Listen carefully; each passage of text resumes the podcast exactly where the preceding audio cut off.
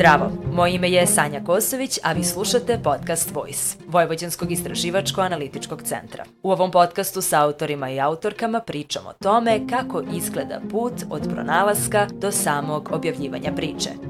Saznaćete sa kakvim izazovima se novinari i novinarke suočavaju kako bi radili u interesu građana, a donosimo vam priče kojima ste vi, naši čitaoci, pružili najviše pažnje. Ajmo jednu poruku da im pošaljemo! Ne damo šodroš! Ne damo šodroš! Ne damo šodroš! Ne damo Šodroš. Brojni novosađani ekolozi bi ga opisali kao zelenu oazu, stanište redkih vrsta biljki i životinja i malo parče prirode u ovom, sada već sivom, betonskom gradu.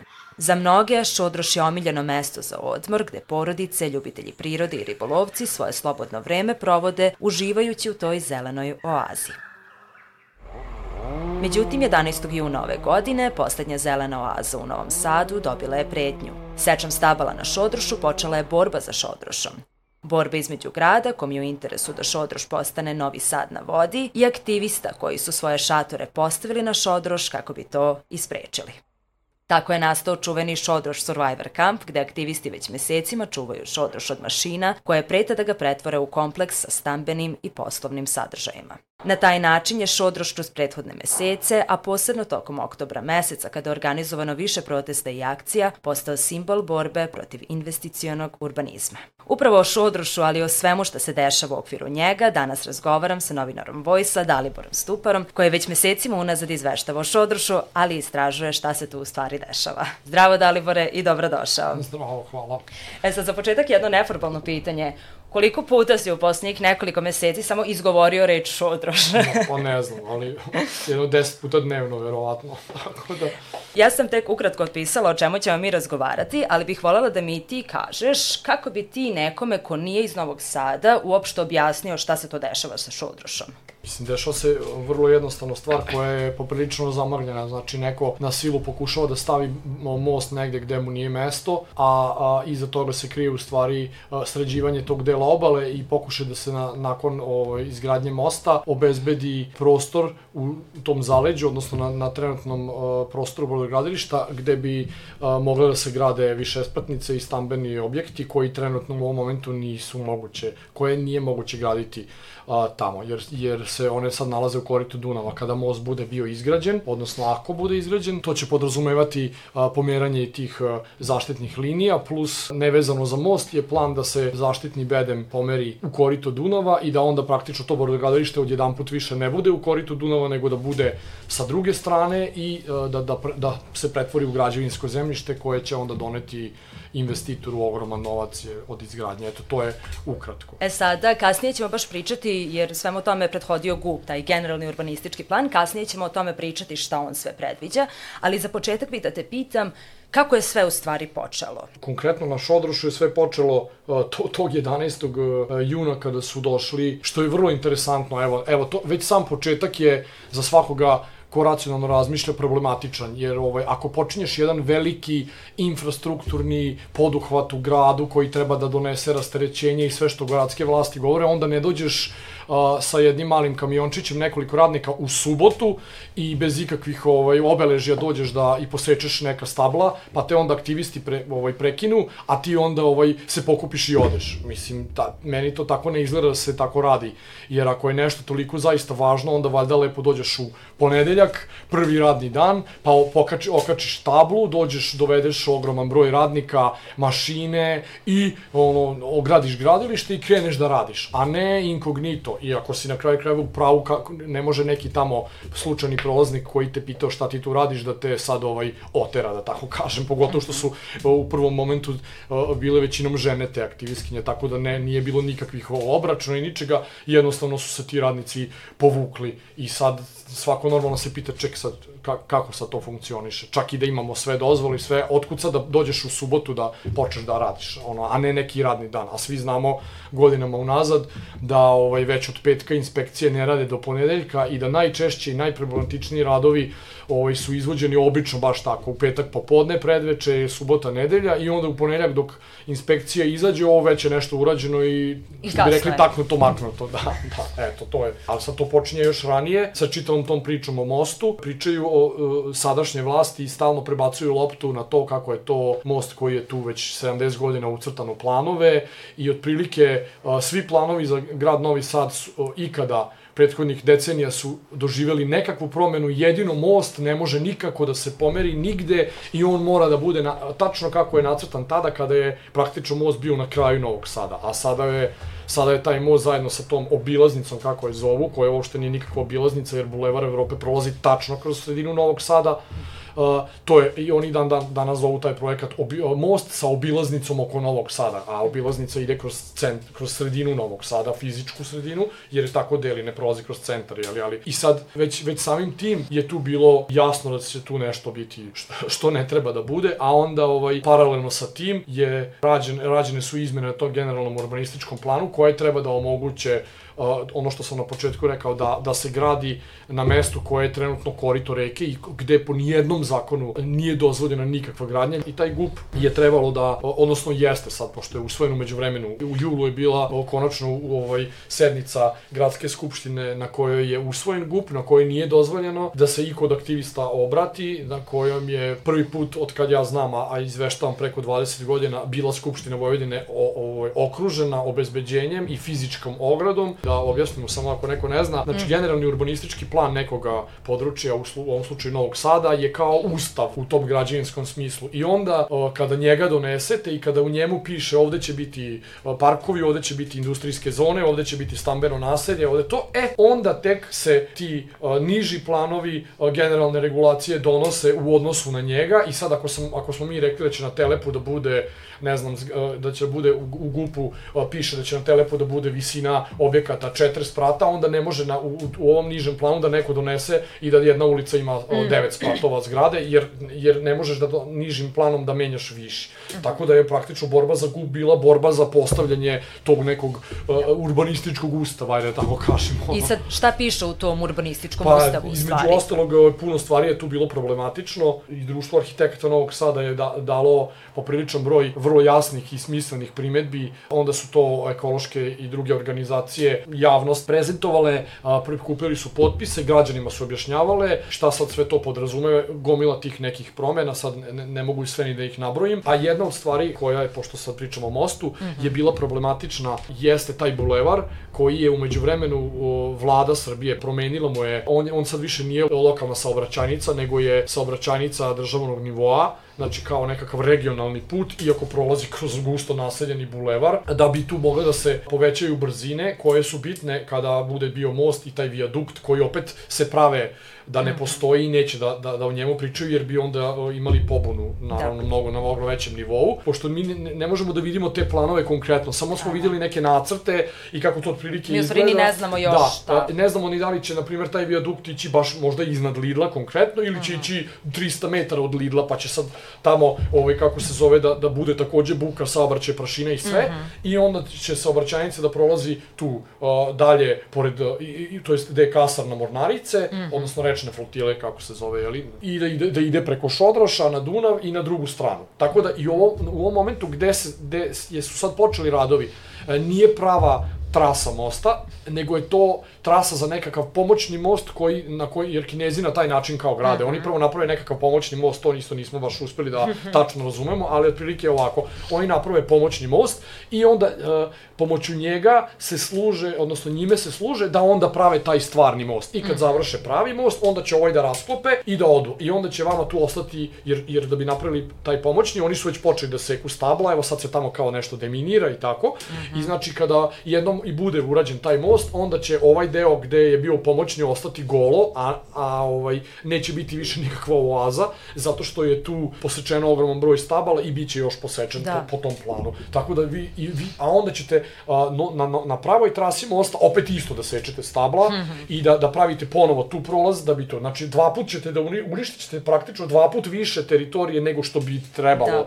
da se uradi, pa čak i da taj most ne znam koliko opravdan, vi dalje ovaj, kako kako da kažem, uništavate nešto što ne bi trebali. Eto, to, je, to je ukratko. I još jedna stvar koja je bila tu problematična s početkom radova, osim tog što su počeli u subotu bez table, bez najave, bez ičega, ovaj, a znamo da su počeli bez najave, između ostalog, ja sam dobio odgovor iz Vojvodina šuma, to je jedina institucija koja je zaista i aktivistima odgovarala i nama novinarima, bez obzira što uh, ja mislim da nije odradila sve što je trebalo da odradi i što je u njenoj nadležnosti, ipak su imali dovoljno, kako da kažem, kredibiliteta da, da, da izađu i da kažu neke svoje stavove. E, i oni su mi odgovorili zvanično da oni nisu uopšte bili obavešteni da počinju ti radovi i, ovaj, kako se zove, da je njihov inspektor konstatovao da, da je neko došao i poseko stabla. Mm -hmm. Sad, ovaj, to je nakon par dana kad sam ja to objavio, demant, potvrdio i direktor koridora, koji je bio tu obilasku na onom drugom mostu, uh, i koji je rekao da jeste, to je, eto, bilo je, izvinjavamo se mi, kako su oni rekli, to je bila neka tehnička greška, za, oni su baš zaboravili da jave Vojvodina šumama, da će oni da dođu da im poseku tu gomilu stava. O tome si baš za Vojs pisao. Da. da. I onda, i kažem, to se to je sve potvrđeno tako što je sam, ovaj, i tada je bio, ne znam, pre, uh, predsjednik pokrajinske vlade Igor Mirović i bio je, mislim, i tadašnji ministar ovaj, Momirović, mm -hmm. i oni su svi zajedno bili na gradilištu i onda ih je neko pitao, ja nisam, jer mi nismo bili obavešteni o toj poseti, tako da ja nisam tamo bio da, fizički, da, da, da, da. ali eto, ovaj, video sam posle u izveštajima drugih kolega da oni priznaju jeste, tako je, stvarno, nismo obavestili Vojvodina šume, ali nije to sad tako, eto, nismo mi to namerno, nego to je baš tehnička omaška, što je potpuno neverovatno da ti sad nisi, da ti neko ko upravlja tom šumom ne kažeš makar telefonom, ej ljudi, doće tamo neki, neke mašine da seku, mislim kako da, to da, tako da. je. A ovaj, aktivisti su onda zamerali Vojvodina šumama što u tih prvih 4-5 dana vakuma nisu uradili ono što treba da urade, a to je sad zateknete nekog da seče šumu kojom vi, vi upravljate, onda vi lepo zovete policiju da. i kažete, alo, ovde neko krade šumu, i onda taj neko dođe, napravi zapisnik i da probamo da uhapsimo tog nekoga. Sad da, da se malo baš pređemo na, na same aktiviste. Ti si sam puta više posetio Šodroš Survivor Camp i više puta si izveštavao o Šodroš Survivor Campu. Sad kako bi ti meni opisao atmosferu odatle? Kako to izgleda za nekoga ko nije bio tamo nikada? Mislim, atmosfera je prvo bila onako dosta naelektrisana, jer ovaj, oni su tad drugi, treći dan odlučili su da odmah prvog dana da ne idu. Imali su neku stražu, onda su drugi dan već doneli neka dva mala šatorčića i bilo je tu kao neka... E, izvini, to da. je počelo, znači nakon seče staba... Da, odmah 11. Mm. Mislim da su čak oba 11. prvo veče već ne znajući šta će se desiti, da je ostala kao neka ekipa koja je tu čuvala, mm -hmm. ovaj, da tako kažem, dežurala. E onda, ovaj, već sutradan su oni o, o, odlučili da to, pošto nije niko reagovao i nije niko došao, da tu sad oni naprave neka dežurstva između sebe, kao kako sreća taj bilo, to je bilo leto, pa puno ljudi je ili na godišnjem ili nešto i moglo je da se organizuje. Već su tad doneli par nekih malih šatorčića i tu neku opremu i dobili su i podršku od, od različitih ljudi, da, da onda dobili su vodu, hranu, šta je znam, sve ono, mhm. neke potrebštine koje i oni su polako počeli tu da uspostavljaju taj kamp i neka dežurstva i stalno su, stalno je bilo nekoga i noću i danju 24 sata je praktično bilo nekoga da bi nas uzbunjivali ako se još nešto desi. Očekivalo se da će već drugi, treći dan neko doći. Međutim, povukli su se iz institucija i niko nije, ti radnici se više nisu pojavili i to je tako trajalo. Onda su nam pričali ovi aktivisti da su ih obilazili povremeno na obeleženim vozilima neki ljudi, mm. sad oni nisu znali ko su, ne, nije bila policija, nego tako, eto, da li neko koga je poslao grad ili koga, ili ne, mislim, nisu ni oni mogli da sa sigurnošću da kažu, jer ne znaju te ljude, ali nije bilo prijatno, pogotovo noću, sad ti si u toj nekoj šumi i mm -hmm. vidiš, znaš da je tu neko došao zbog tebe, ali ne znaš opet ništa da li je došao samo da te posma da vidiš šta ti radiš ili da te zastrašuje ili da li će možda sad preksutra da neko istrči iz, iz tih vozila, da li vas ono, proveravaju u smislu koliko vas je pa da znaju kako da se organizuju. Kako da kažem, nije to sve bilo ovaj, prijatno i oni su nam, nam o, o tome uglavnom pričali. Tih dana kad smo odlazili, jurili su institucije, znači u isto vreme su radili dve, dve stvari. Jedna je da pokušaju da ishoduju bilo šta, bilo kakve odgovore od institucija, druga je da uspostave nekakav, kako bih rekao, kon konkretniji tamo ovaj, mm -hmm. način o, čuvanja, ajde da tako kažem, pa je onda u nekom momentu prošlo je neko vreme dok, dok nisu to prozvali nazvali Šodroš Survivor kampom i onda su dobili te neke veće šatore, opet kao nekakvu donaciju, pošto su oni iskoristili priliku da tamo dovedu biologe, ornitologe, razne stvari da ljude upoznaju sa tim, pošto puno ne zna. I tamo ima veliki broj zaštićenih vrsta i ptica i svega. Između ostalog je jedna, je, ima nekoliko stabala, mislim da je baš crna topola endemična neka vrsta koja je ovde i koja raste i koja ima neki crni glog, isto to se sećam, koji raste samo u, ovde i u Mađarskoj na jednom mestu kod Dunava i nigde više i postoji naravno gloga raznih vrsta, ali ovaj ne, po nečemu specifičan. Ta, ta sva stabla su tu o, već uveliko stara i ona, ona piju ogromnu, ogromnu količinu vode i sve i svojim korenjem drže praktično tu obalu. Tako da, mhm. iz te strane, ako i treba nešto se radi, pretpostavljam da se opet neka struka pita, a ne da se samo dođe i poseče da. gde nam se sviđa na ovoj, na kojoj ovoj parceli. I sad kad bi svaka institucija radila svoj posao, ovaj projekat bi bio zaustavljen, ono mislim, 12 juna već, znači sutradan, jer bi prvo moralo to što sam i malo pre rekao, da dođe i policija, da se inspekcija, da dođe vojne šume, da vidimo ko je tu, ko je krao šumu, ko nije krao, ideš lepo kod tužioca, pa ti onda tužiocu doneseš papire iz ministarstva, doneseš ugovor između CRBCA i vlade Srbije, dones, sve doneseš na sud, pa ti sudija onda kaže, ok, evo zbog ove omaške neko će biti kažnjen, ne znam, novčano, mm -hmm. ipak, ipak jeste, sve, sve u papirima, samo što ste se malo zaigrali, pa, ali, ali ti ništa od toga nemaš, jer očigledno naše institucije rade po, po tom nekom principu, ono, ja, ja ovde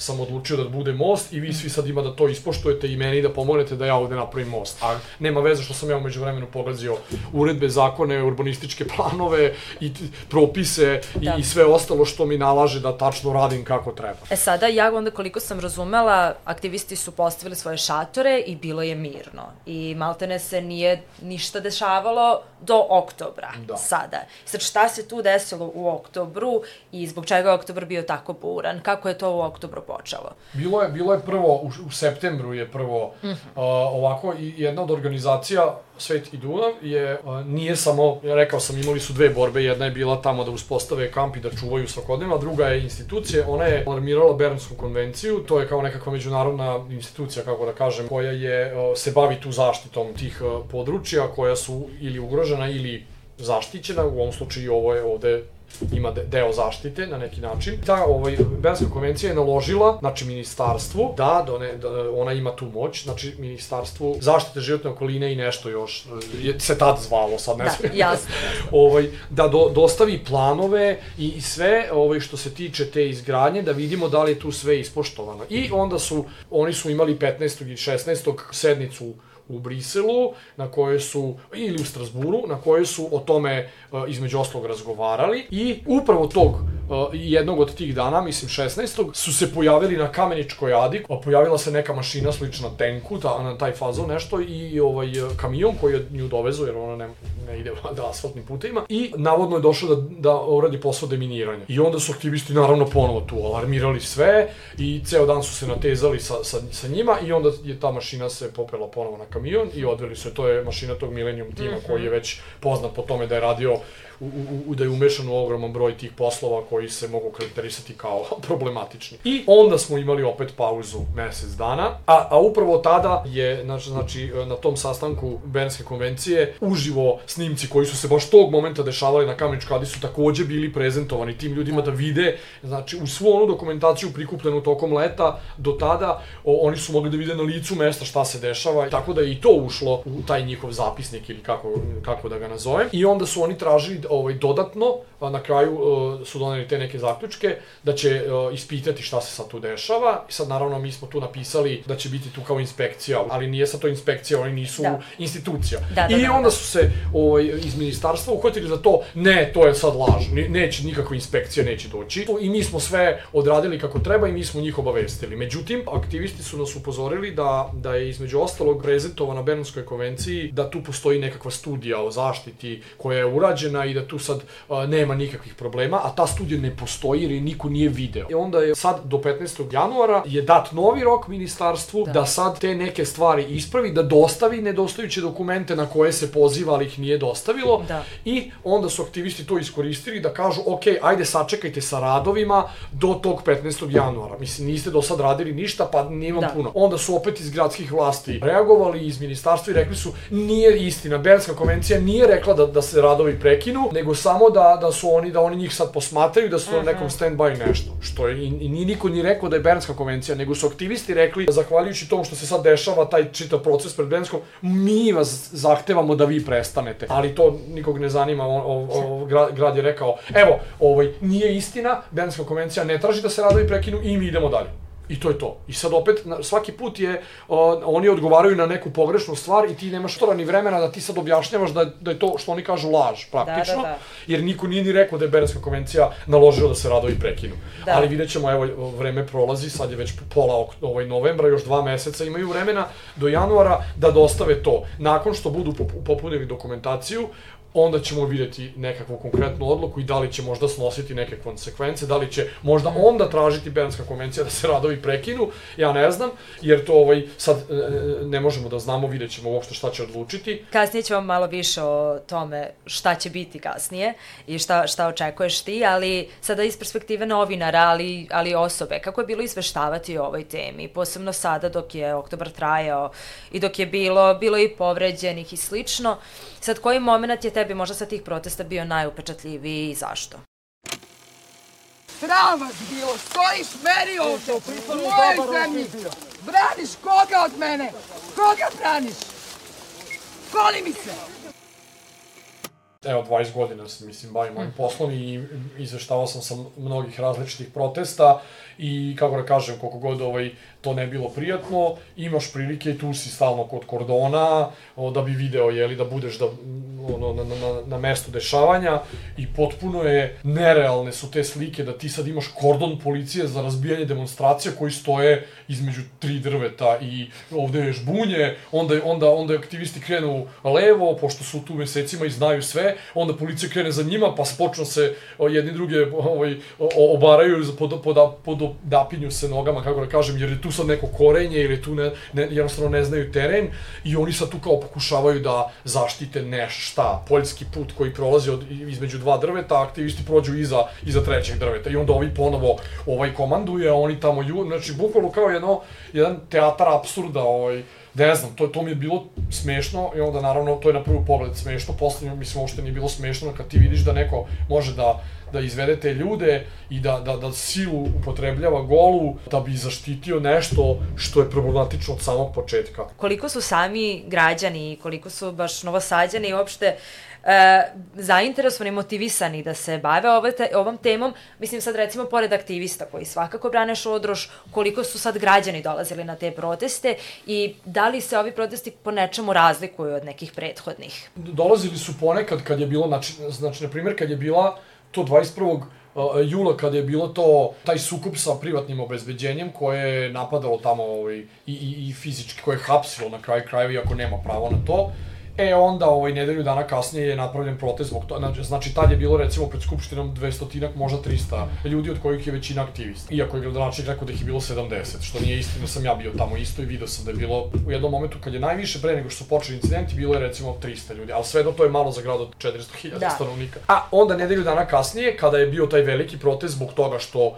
su ljudi a, bili revoltirani tim napadima, tu je bilo, boga mi, 2-3 hiljade ljudi, sigurno. Ali onda sa tih protesta ti si mogao da vidiš samo slike gde su neki stranački aktivisti gađali farbom prostorije SNS i onda su oni rekli, e, evo ih, to su ovi lažni ekolozi, divljaci, sad oni nama razbijaju naše prostorije i opet nije, opet, ali nisi mogao da čuješ, a čekaj, zašto su se oni uopšte skupili? Nisu se skupili da bi gađali tvoje prostorije. Tako da, da građani imaju problem u Novom Sadu jer, je vla, jer sve, svi mediji koji su uh, pod, na bilo koji način povezani sa gradom i od RTV-a koji bi trebalo da bude javni vojvođanski servis, pa nadalje, uglavnom nemaju nikakve informacije, uvijek im čuju samo stranu grada. I vi jako redko imate na RTV-u, na svu sreću je bilo primjera i, i da su zvali i ne znam iz društva arhitekata nekoga ili tako da tu je bilo, ali opet kako da kažem, vi dobijete jednog aktivistu i jednog iz urbanizma, pa se onda oni sad tu poklapaju i ko sad ispadne kulturniji, ovaj, neće dobro proći jer će ovaj drugi biti glasniji. Ali hoću da kažem, znači građani nisu imali prilike da sve to čuju. Aktivisti između ostalog njima to govore, mi nismo protiv mosta, mm -hmm. nego smo protiv mosta na tom potezu. Da. I, I čak su i nudili nekakva rešenja, jedno od rešenja je samo kilometar niže, jer uh, ako kilometar uh, uzvodno praktično pomeriš most, ti si onda zaista on, onda će to biti na kraju novog naselja i tamo tog dela Telepa Jadica, sad a, ne, nisam tamo bio na terenu, ne znam koliko tačno, ali znači bit će tamo i neće prolaziti kroz gusto naseljenu zonu i nećeš možda čak ni morati da praviš toliki viadukt, ali o, ako to tamo uradiš kilometar dalje, onda će tebi brodogradilište i dalje ostati zonom koje nema izgradnje. Tako da to mislim da je najvažniji problem. Naravno, to mi, to mi niko nije tako rekao, niti to iko može tako da kaže, ali čini se da to tako upravo jeste. I na kraju krajeva sam jedna stvar, od Novog Sada do do hrvatske granice imate tu skoro 40 km Dunava, nema ni jedan most. Znači u 21. veku vi dođete na skelu koja radi do, ne znam, 7 na primjer i onda opet do ujutru ne radi i ide svaki pola sata i platite, ne znam, koliko dinara za vaš auto i pređete tamo, da ne biste išli ovde preko kamenice i skroz uh, kući u Beočin ili u tamo da. u Čerević ili u Ledince ili već negde. Ovaj, znači, nema, i sad kao nikom ne treba most, na primjer, u Fotogu, koji je opet deo Novog Sada, praktično prigradsko naselje, ili negde drugde, nego baš nam treba ovde samo kilometar od mosta Slobode, znači ti tu ne dobijaš praktično ništa. E sad, nažalost, vreme nam ističe. ovaj, ali za kraj bih da te pitam, nakon burnog oktobra, novembar je znatno mirniji.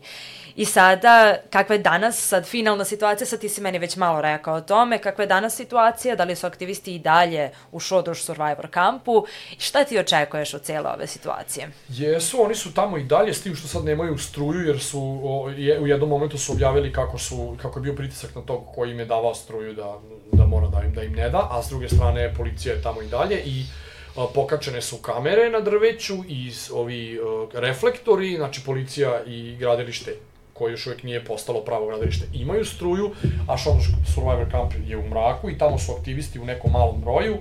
A, imali smo svi sreće i oni, jeli, ovaj, i policija i mi novinari, što je oktobar bio neverovatno lep i sunčan i čak i evo pola, pola novembra je bilo u redu, međutim, ovo vreme se sad kvari, ja sad stvarno ne znam, neći ću opet jedan dan do njih da vidim kakvi su sad planovi, šta se dešava, oni su tamo stalno i stalno daju neke objave i tako možete da pratite ih preko Facebooka i fotografije i oni nas obaveštavaju šta se dešava, u principu nije svaki dan nešto što mogu mediji da izveste, ali je dobro, ovaj, ako već ne odemo do njih, da vidimo čisto, eto, da budemo u toku, što bi rekli.